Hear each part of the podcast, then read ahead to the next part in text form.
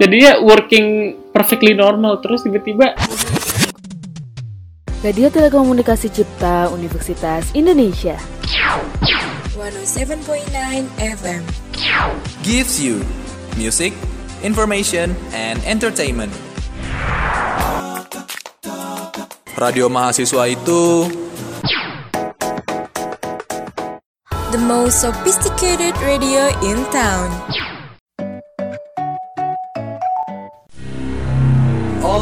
to know. RTC Selamat malam Gen Muda, gue Arabella dan hari ini gue nggak sendiri, gue sama siapa nih? eh, nama gue Bintang Langit. Kita hari ini akan eh, menceritakan tentang 9 cerita pengantar tidur terbaik kita. Eh, agak mistis-mistis gitu ya. Bi. Lebih sih, lebih mantap lagi. Iya, jadi di podcast kali ini tuh kita rada pengen ngikutin permainan horor Jepang gitu yang di mana pemainnya tuh nyalain 100 lilin terus nyeritain 100 cerita hantu. Tapi karena ya durasi jadinya cuma 10 aja.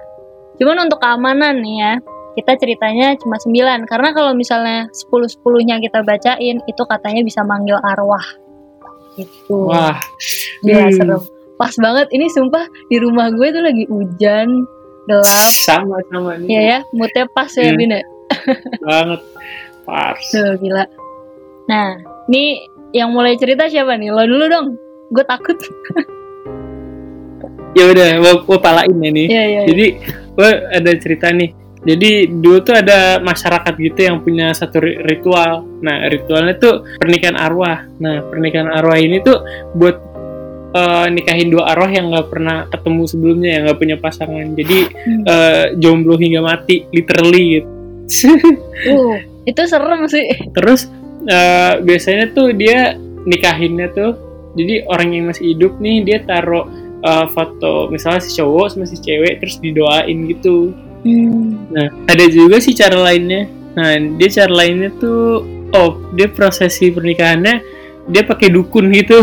Terus dia pertama dukunnya tuh manggil kedua arwahnya ke dalam boneka gitu, Hmm. kayak kayak kudu deh kayaknya. Terus eh, dia pakai prosesi pernikahan biasa, seakan-akan bonekanya tuh manusia asli gitu. Hmm. Terus ritualnya tuh buat arwah-arwah yang nggak bisa lanjutin jalan mereka karena eh, Terbelenggu.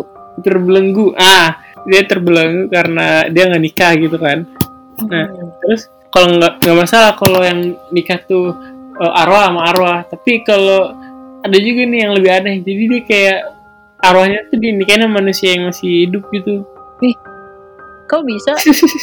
itu LDR yang paling jauh ya, beda dunia. gue denger denger dari apa seorang netizen eh, Korea nih. Terus dia katanya dia dikejar sama bapak-bapak nih umur 40-an terus badannya udah hancur terus berdarah di mana-mana dia bilang istriku istriku istriku sambil ngejar padahal kayak si orang Korea ini tuh nggak tahu ini siapa gitu Itu beneran ngejar gitu di alam nyata apa?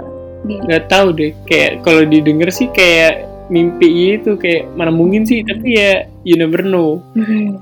Terus dia dibawa si orang ini nih dia dibawa orang tuanya ke dukun kan. Pas dia ngobrol sama dukun ini si orang Korea ini kenapa eh, dukun nanya kenapa kamu nikah sama orang mati. Ternyata eh, dia si dukun ini ceritain kalau orang yang dia kejar tuh si bapak-bapak ini terus dia meninggal ditabrak mobil Oh.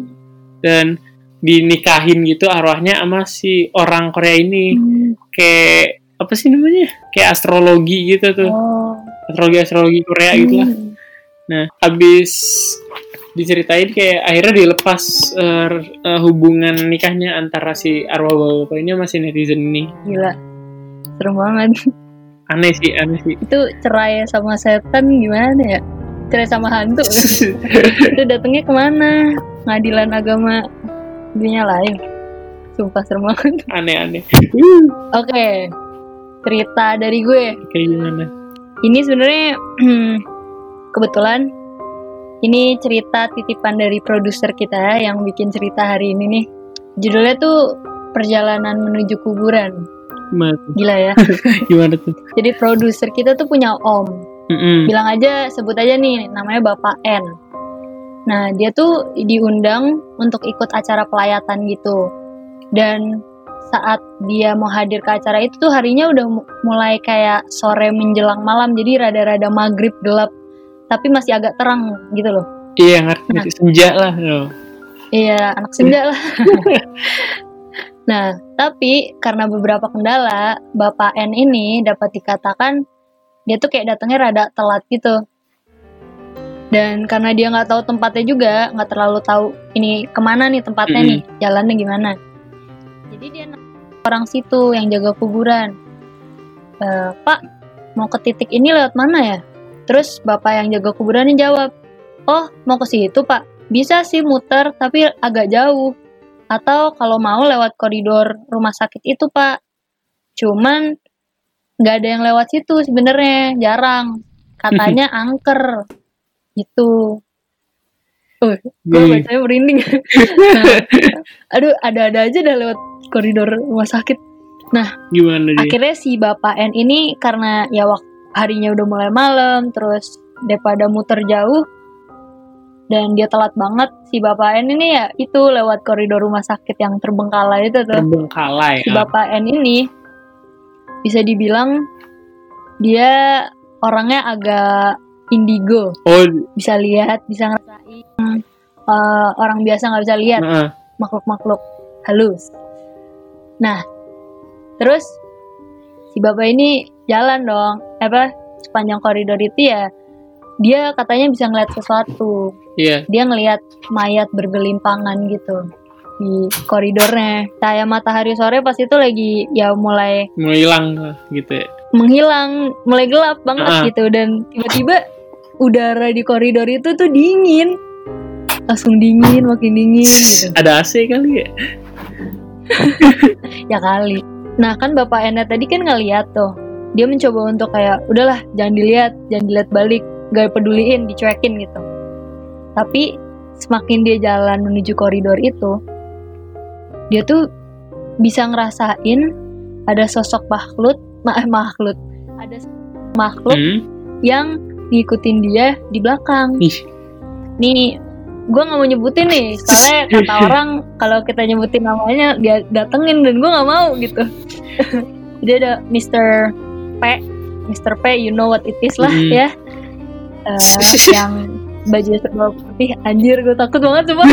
nah, Mr. P ini katanya ya bentukannya serem gitu lah, ada darah Ah, ah. dari kain dari salah kainnya gitu ikutin si bapak N ini sepanjang jalan masuk koridor Iya, terus diikutin terus sampai akhirnya si bapak N ini tuh kayak udah sampai udah sampai jarak tertentu gitu akhirnya si makhluk ini berhenti ngikutin nah si bapak ini nyadar kok berhenti ngikutin kenapa ternyata ada dia udah masuk ke daerah yang lain jadi kayak bukan daerah kekuasaannya si Mr. P itu Mr. P kira ya udah makanya si Mr. P ini balik lah ke daerahnya dia nah tapi tapi setelah itu berhenti dia udah masuk ke daerah lain itu dia diikutin sama makhluk yang lebih lebih parah lagi. nggak parah juga sih. Tapi ya temennya lah. Dan ciri khasnya hantu rumah sakit gimana sih gitu kan. Yaitu seorang suster. Gitu. Tau lah suster gimana ya kan. Gue takut banget. Terus ya udah diikutin tuh. Ya bapak N mau nggak mau karena udah jalan sejauh itu ya harus tetap jalan kan. Sampai akhirnya dia Hmm. sampai di ujung koridor dan akhirnya nyampe lah di tempat pelayatan tersebut gitu Aneh aneh aneh. Eh, gimana parah parah. ceritanya serem Apa ya? Kayaknya gue ada yang lebih serem lagi deh. apa tuh cerita dong Jadi eh ceritanya tuh ini kayak urban legend di daerah pegunungan gitu tentang kayak kabin warna hitam gitu di di entah berantah. Jadi eh suatu hari tuh ada kayak tim pendaki gunung gitu sama guide-guide-nya kan. Mm-mm. Tapi dia eh, tersesat gitu di pegunungan ini. Nah pegunungan ini tuh menurut masyarakatnya tuh eh, angker dan penghuni yang you know lah apa supernatural gitu nah terus eh, awalnya mereka kayak ya udah bomat gitu mereka naik aja naik gunung soalnya buat apa percaya sama supernatural gitu kan Hmm. pokoknya semuanya nggak ada yang percaya deh nah terus akhirnya salah satu orang suku sana tuh kayak memperbolehkan mereka daki walaupun apa kayak dipaksa gitulah kayaknya Hmm. nggak salah terus sat- dengan satu syarat mereka harus turun kalau hari-hari itu tuh eh, antara kabut hujan atau Hmm. gelap kalau nggak salah nah gitulah nah terus kalau mereka nggak bisa turun mereka harus berkemah nggak boleh nyalain sumber lampu apa pun gitu. Api eh, lampu bohlam lah apa Hmm. kayak nggak boleh tuh. Center juga nggak boleh. Walaupun itu kayak ya udah mereka nggak peduli gitu kan. Akhirnya pas di situ tuh pas dia naik karena dia dari sifatnya aja tuh udah nggak peduli awalnya backpacknya robek terus barangnya hilang terus kayak guide-nya kabur nah tapi walaupun kayak gitu ya tetap aja apa dia tuh masih batu Hmm. gitu. Dia tetap naik gunung. Terus kabutnya mulai muncul kan. Hmm. biasanya tuh kalau naik gunung kalau cuaca berubah tuh kayak minor stuff gitu. Kayak bukan eh, ya udah emang cuaca tuh gampang berubah kan. Nah dia tuh eh karena kabutnya itu tuh dia nggak bisa nanjak lagi. Takutnya kepleset jatuh atau apa gitu. Nah akhirnya dia berkemah nih mau diriin tenda kan. Tapi dia lihat nih oh ada ada rumah kabin warna hitam ya. Daripada tinggal di tenda mending di kayak kabin gitu kan. Gedung beneran. Nah awalnya dia kepikiran nih orang sukunya tadi bilang kalau lihat kabin jangan gitu. Hmm. jangan dipakai soalnya itu rumahnya si arwah-arwah itu. Hmm. tapi ya pendaki-pendaki ini kayak oh ya udah emang emang beneran gitu. Terus akhirnya dia masuk kan udah dia masuk dia nyalain lampu dia jadiin kabin itu buat tidurnya dia sendiri Hmm. terus akhir-akhirnya tuh pas dia nyalain perapiannya itu nah guide-nya nih yang percaya sama hal-hal yang dikasih tahu sama suku itu Hmm. dia akhirnya ke ininya nih ke orang-orang yang masih di luar masuk ke tenda aja jangan masuk rumah soalnya kan temennya ini nih nggak keluar keluar kan Hmm. terus dia nutup tendanya rapet gitu di zipper sampai mentok Hmm. terus dia buru-buru bobo gitulah Hmm. awalnya kayak berapa jam pertama dia tidur tuh gak sulit masih lumayan nyenyak lah terus pas jam pagi gitu kayak jam berapa ya? jam 3 jam 2 gitu ada suara ketawa suara musik terus kayak bau-bau makanan gitu padahal kan di in the middle of nowhere kan Hmm. terus ada kayak lampu senter dari luar ada suara-suara yang manggil kayak mereka woi keluar woi keluar gitu tuh Hmm. pertama tuh ada suara si siapa sih si pe- si pemimpin timnya yang masuk tuh Hmm. terus ada suara suara pendaki-pendaki lain gitulah Hmm. nah makin lama aneh ini suara-suara orang-orang yang luar nih makin marah gitu tuh terus dia maksa mereka yang di dalam tenda tuh buat keluar terus tapi yang di dalam tenda tuh si bertiga ini nih itu tetap kayak jangan keluar nanti serem kayak apa kayak pemimpin timnya gitu Hmm. Nah, terus besoknya pas sudah terang, guide-nya sama dua orang lainnya tuh dia buka tendanya dan bawa orang-orang tuh turun turun dari gunung itu. Terus sampai sekarang tuh masih hilang kayak si orang yang masuk ke kabin dan teman-temannya yang hilang tuh nggak pernah ditemuin gitu walaupun udah dicari dan udah investigasi dan apa aneh lah pokoknya. Ih. Astaga, emang gunung tuh tempat lelembutan ya. Sumpah, gunung banyak hutan banget cerita-cerita hantu di situ. Gila, itu serem banget sih. aduh Itu kan tadi di gunung ya. lu ada lagi? Itu tadi udah berapa cerita sih, Bin? kita baru tiga Oh, tiga. Oke, berarti udah tiga lilin ya. Kalau misalnya ada lilin ya, udah tiga lilin yang mati ya. Huh. Sekarang giliran gue berarti ya. Jadi, Gimana? eh, kalau tadi di gunung, ini cerita dari Jepang. Jepang mm. Hmm. Bukan Sadako, beda ya. Enggak, itu udah semua orang udah tahu lah ceritanya. Kalau yang ini, ini cerita tentang boneka Jepang dengan rambut manusia. Nih, Gen udah tahu nggak sih kalau di Jepang itu ada boneka yang rumornya rambutnya bisa tumbuh kayak manusia. Jadi memanjang terus gitu. Kalau dipotong nanti tumbuh lagi. nah, itu nggak disalonin. Jadi badai banget ya. Kayak Aduh, oke ini cerita serem. Jadi boneka ini tuh namanya nggak akan disebutkan karena takutnya mengganggu arwahnya ya. Jadi mau sebut kita sih. sebut saja.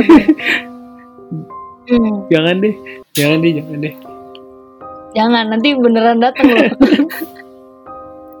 Jadi pada saat seorang anak perempuan namanya Eikichi membelikan boneka kepada adiknya yang namanya Okiku. Adiknya ini umurnya us- eh, sekitar 2 tahun. Iya. Nah, Okiku ini suka banget sama bonekanya. Sampai kayak dibawa ke mana-mana. Soulmate-nya ya. Soulmate banget, deket gitu. Terus eh, pada tahun 19 eh 1919, 1919, gimana sih? Eh, si Okiku ini tuh 100 tahun yang lalu lah. iyalah lama lah. Okiku ini meninggal setelah mengalami demam tinggi. Terus akhirnya boneka itu yang seharusnya ditempatkan di makamnya, tapi karena masalah tertentu jadinya nggak pernah dilakuin. Jadi ya udah nggak dikuburin bareng pemiliknya gitu. Lalu Marah. selang beberapa waktu boneka ini tuh dijual dan dibeli nenek-nenek. Terus akhirnya sama nenek ini dihadiahin ke cucunya. Nah, setelah itu boneka ini tuh rambutnya eh, mulai memanjang. Rambutnya yang da- tadinya dari cuma sampai bahu, lama-lama tuh kayak panjang sampai pergelangan tangan, sampai kaki, terus terusan panjang Mm-mm. karena suatu fenomena yang aneh ini akhirnya boneka ini tuh ditaro di kuil yang ya bisa dianggap bisa menjaga arwah ini supaya nggak ngamuk atau gimana gitu kan tidak membahayakan orang lain dan boneka ini udah di kuil itu sejak tahun 1938 gitu. Kalau menurut gue sih kayaknya anak orang Okiku itu jangan-jangan arwahnya masuk ke boneka itu deh. Ya nggak sih? Coba deh lu pikirin. Eh apa ya? Kalau kalau masuk ke bonekanya gue sih nggak kebayang gitu kayak aneh banget. Iya sih aneh. Kayak cuman ini cerita horor gitu. Ya cerita horor selalu gak logis ya. Aduh ini kan dari tadi tuh cerita-cerita ya cerita-cerita orang ya. Kalau lo sendiri ada nggak sih cerita horor lo gitu? Misalnya di kampus atau di rumah? Oh kalau di kampus ada sih. Apa tuh? Ini aneh banget. Jadi gue waktu itu tuh hari minggu tuh eh, itu kan pas bulan Agustus tuh bulan ospek kan. Hmm, jadi eh, minggu tuh kalau nggak salah awalnya praosjur gitu nggak salah. hmm. Terus ya gue datang terus pas pokoknya hari itu hari sibuk banget tuh gue jadi dari praosjur terus OKK terus padus nah selesai padus eh, jam 4 kan kalau kalau nggak salah ya. Nah terus eh, yang namanya maba gue penasaran sama kamp- kampus gue sendiri. Jadi gue naik sepeda eh, spe spekun nggak salah ya namanya kan? Eh spekun betul. Nah iya gue naik spekun itu. Oh masih ada? Ya kayaknya udah nggak ada deh. Gue gue terkali ke kampus sih masih ada. Ada. Tapi eh, di jarang lah pokoknya. Ah, ah. terus ya gue keliling-keliling kan. Gue ambil sepeda tuh di gue lupa di mana. Tapi gue keliling tuh dari lewatin FIB terus gue lewatin eh, rektorat dan apa. Jadi gue tahu jalan-jalan dalam kampus gitu kan Nah, terus gue tahu nih katanya kuburan bikun tuh serem. Kuburan bikun tuh buat kalian yang belum tahu itu kayak tempat di mana bikun-bikun lama ditaruh gitu. Jadi soalnya kan bikun bukan kendaraan yang bisa dijual dengan gampang gitu. Iya. Jadi dia taruh aja situ kayak museum gitu deh tampangnya. Cuma kalau malam jadinya serem gitu. terus naik naik sepeda nih dari gedung yang bundar tuh apa namanya? Oh lupa. Iya yang buat apa? Administrasi gitu. Yang deket FIB gua lupa namanya itu. Ke FIB gedung yang bundar iya yang ada perpus lama. Oh iya eh ya gue nyebutnya sih perpus lama. Nah ya pokoknya perpus lama. Walau perpus lama kan. Terus Ah. itu kayak ada jalan nanjak eh, ke arah kuburan bikun itu. Terus pas lewat kuburan bikun Hmm. pas banget di depannya tuh pedal sepeda kan pedal kan? Pedal lu copot tiba-tiba. Anjir. Terus? Pas copot itu Hmm. ya tiba-tiba cetuk gitu aja langsung padahal tadi oke gitu. Jadinya working perfectly normal terus tiba-tiba copot aja. Dan itu tuh udah jam jam 5 kalau nggak salah kayak menjelang malam tuh dan sekitar situ tuh di itu kan deket lapangan foto-foto tuh di UI nama Rotunda. Nah Ah. itu tuh eh, sepi beneran gak ada orang sama sekali. Hmm, terus akhirnya gara-gara itu harus jalan kaki balik ke kosan. Bedanya tinggal nggak? Tinggal sih. Wah itu bad trip banget. Gila.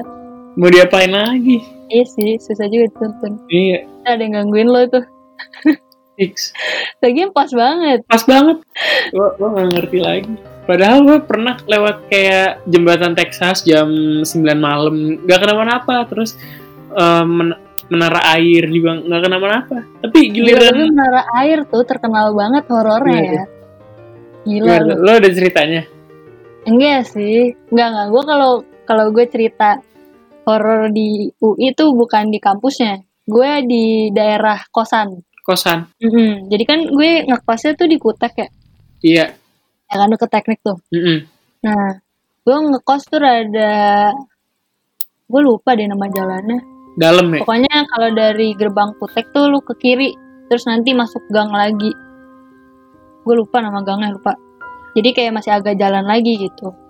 Iya. Kalau gue tuh jadi kondisinya saat itu gue hari pertama semester tiga masuk lagi kuliah.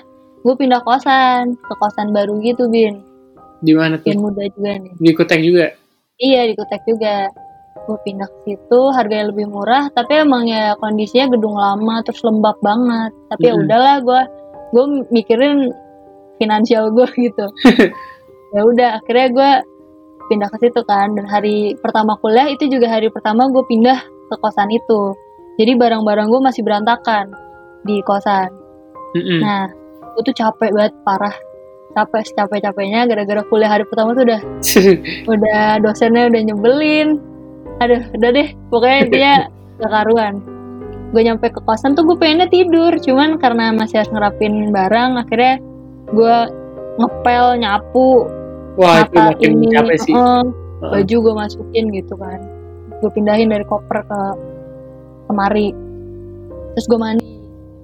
Dan Hmm. saat itu gue lagi datang bulan kebetulan. Dan akhirnya gue nggak sholat dan gue memutuskan untuk ya udah tidur aja Tidur aja. cepet. Hmm, Mm-mm. gue tidur. Jadi tuh posisi kasur gue tuh ini kasur terus sampingnya tuh lemari.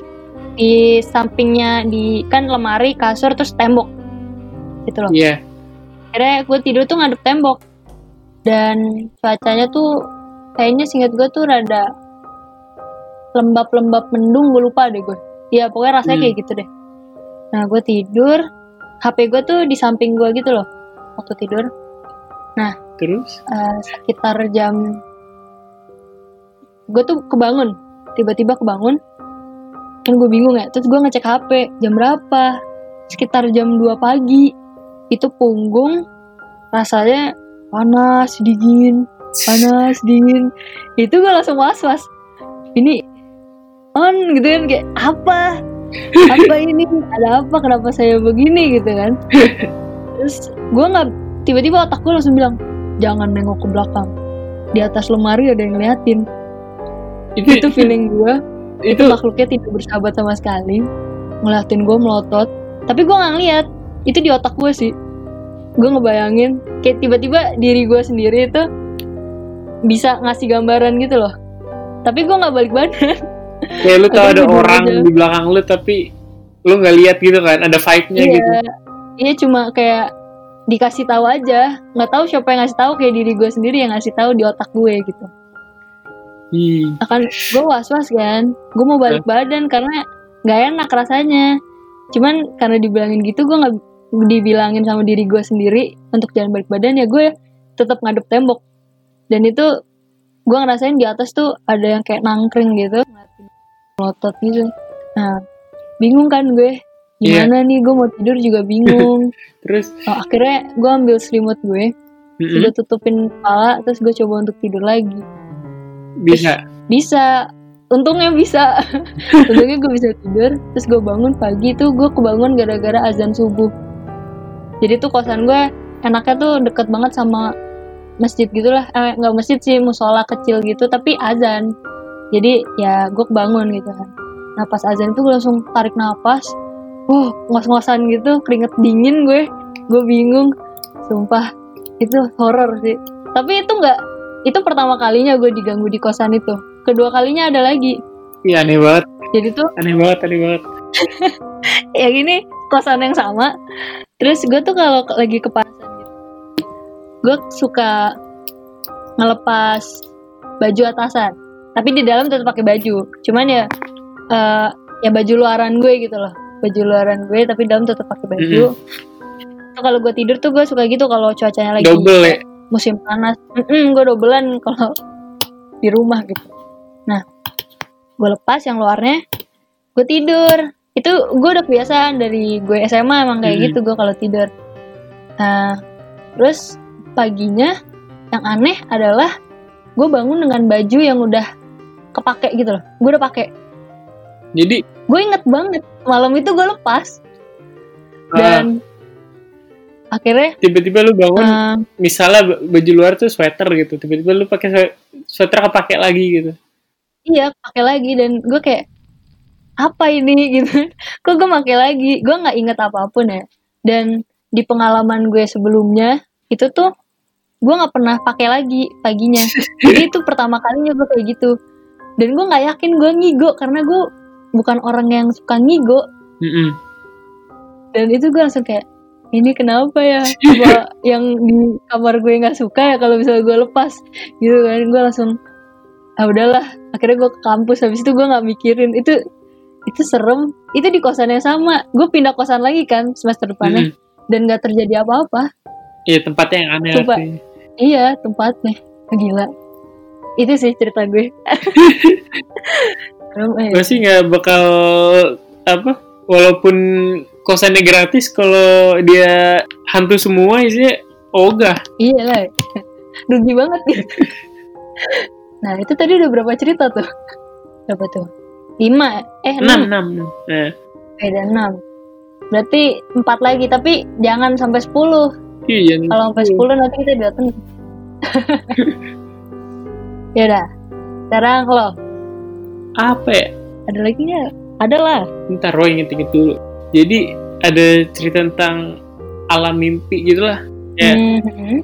mimpi kan bisa aja dibilang kayak jalan menuju alam lain gitu kan. Lu mimpi kayak tentang dunia lain dan apa kayak beneran kayak different universe gitu mimpi tuh. Hmm. Nah, terus eh, salah satu produser dari program ini tuh kayak begitu, kayak in a literal sense. Nah, dia pernah mimpi dia jalan-jalan di di depan sekolah SD-nya tuh. Jadi depan SD Oh. dia jalan-jalan nih malam hari. Terus dia naik tangga dari lantai pertama eh, dari, dari lantai pertama dia naik terus terus dia inget eh, kelasnya kayak nostalgia gitu loh. Nah, terus dia dia mau tahu kan kelasnya tuh kayak gimana sih kalau malam hari? Kelas. kayak aneh deh pokoknya dia datengin sekolah malam-malam kayak aneh banget gua nggak ngerti. Tapi pokoknya kan mimpi ya apa apa oh iya. Pokoknya terus? gini nih dia dalam kelas itu kayak dia ngintip lo jendela gitu kan. Ada kayak sosok putih melayang gitu di meja guru. Stereotypical looknya hantu gitu lah oh, mbak mbak kun kun ya hmm. Heeh, Mbak Kun Nah. Kun. terus terus Bakun Kun ini tuh kayak bikin dia penasaran gitu ini siapa sih gitu nah terus akhirnya dia buka pintunya nih pintu kelasnya terus Mhm. eh, di mimpinya itu dia ngeliat si si sosok putih ini tuh perempuan dengan gigi eh, yang tajam terus dia kayak talking to herself gitu kalau salah. Nah terus dia tuh Hmm. eh, terganggu dengan si produser kita ini nih si ya siapa ya? Oh produser kita. Nah terus eh, dia masuk kelas tersebut dengan tiba-tiba kan si produ- terus sosok itu karena eh, sang produser masuk nih dia kayak teriak lah pokoknya eh, the white figure. Nah dia tuh kenceng loh teriaknya. Terus dia eh, dorong produsernya tuh untuk lari ke satu-satu tempat yang si produsernya tuh rasa safe zone gitu. Di mimpi dia tuh safe zone-nya tuh perpus kan. Hmm.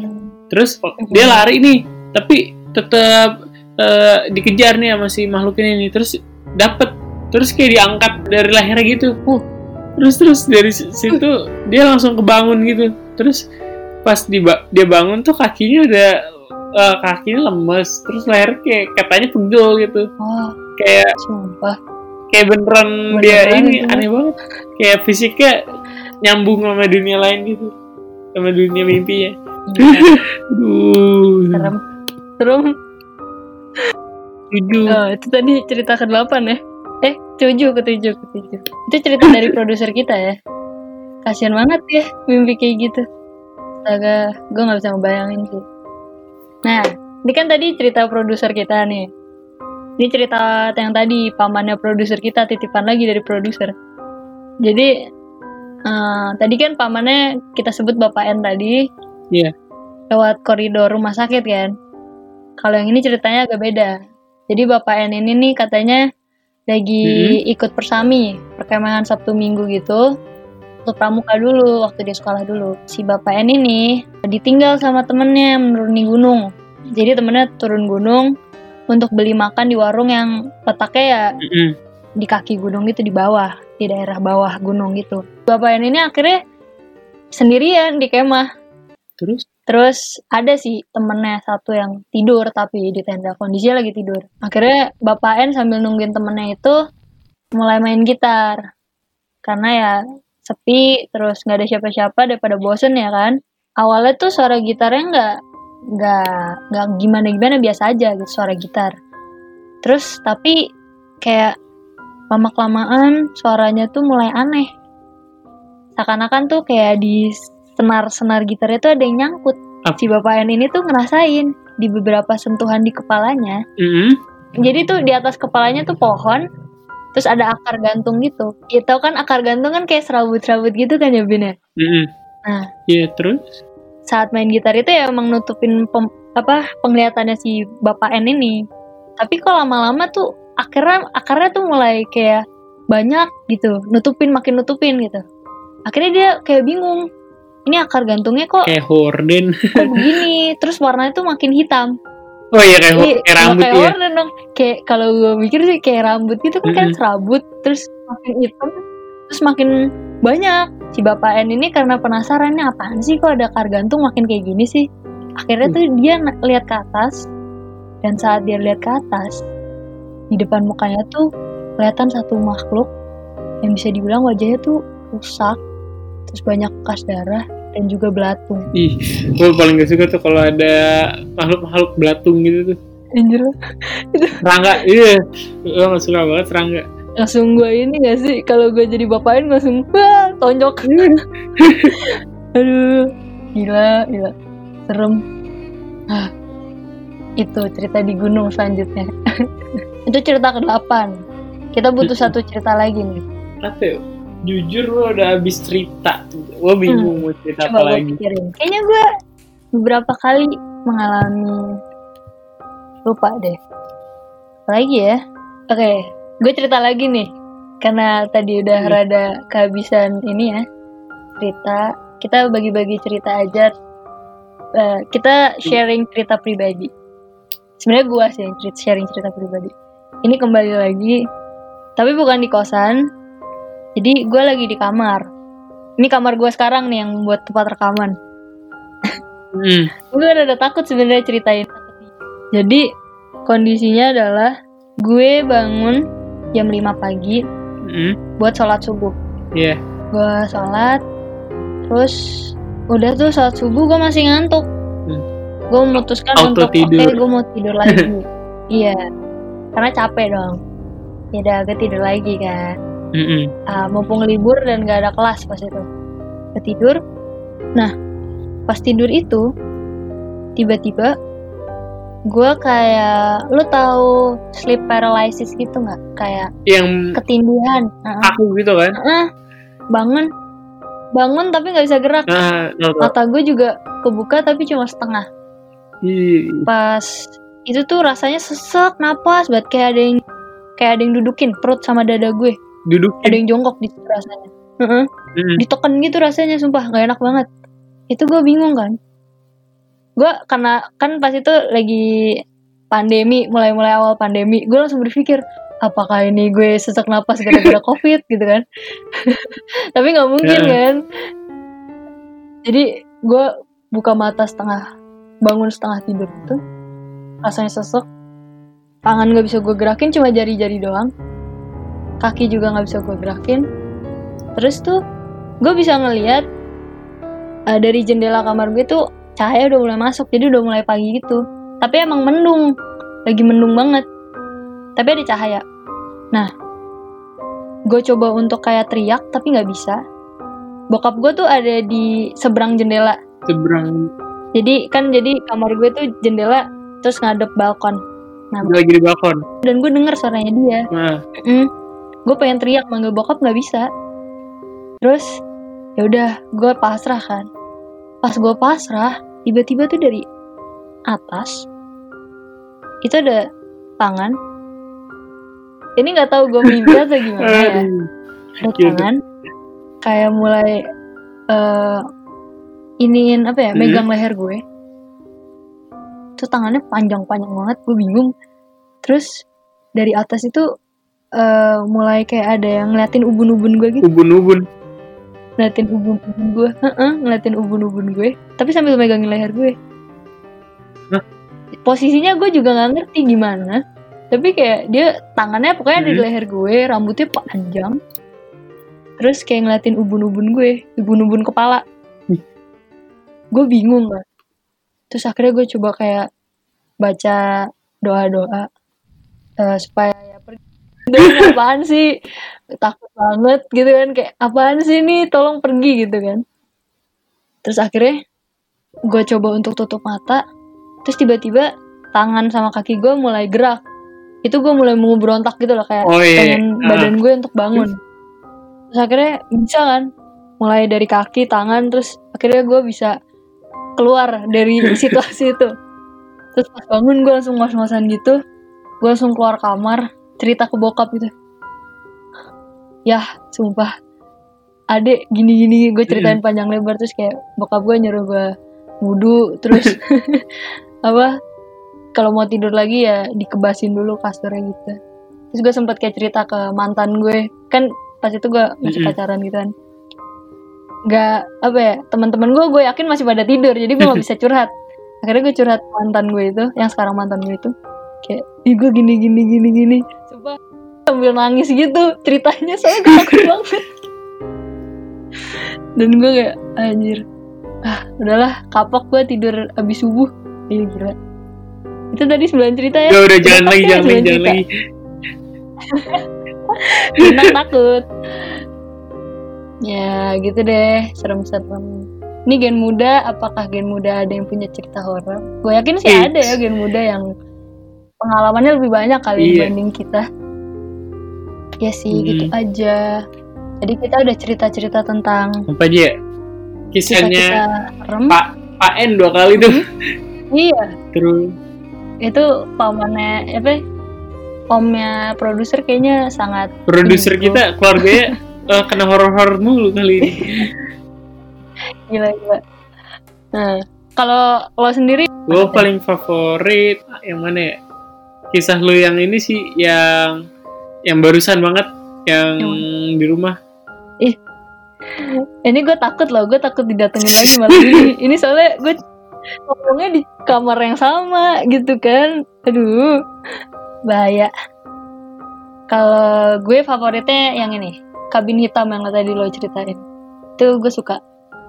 Cerita-cerita horor gunung gitu. Untung gue bukan mapala. Kalau Apa? mapala ketemu KBD mulu kali. Iya. Oh, oh, iya. Gue nggak ngerti deh, kok masih Iya. berani ya orang-orang pendaki untuk naik. Padahal banyak banget loh cerita kayak mistis gitu di gunung. Keren keren, kepala keren. Kalau Salut, salut gue anak mapala. ya gitu aja kan muda. Itu cerita horor dari kita, dari Ara dan Bintang. Ke depannya ada lagi nggak sih cerita horor selanjutnya? Seharusnya ada ada. ya.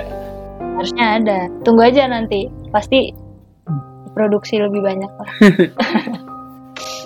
itu. Eh, ini gimana ya closingnya ya? Jadi ne- next time nih kita kita bakal datang lagi sekali lagi. Kita bakal ngomongin tentang produktivitas.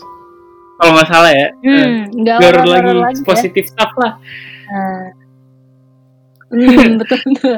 Ya lebih kehidupan Hmm. mahasiswa ya di rumah.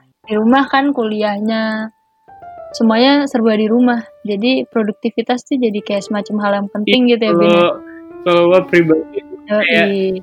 kalau kuliah offline bisa didorong temen lu gitu. Temen lu rajin. Nah, Hmm. tapi kan kalau sekarang eh, online kayak gak ada yang bisa dorong lu kan. Nah, di situ nanti kita kasih tips dan kayak cara-caranya gitu.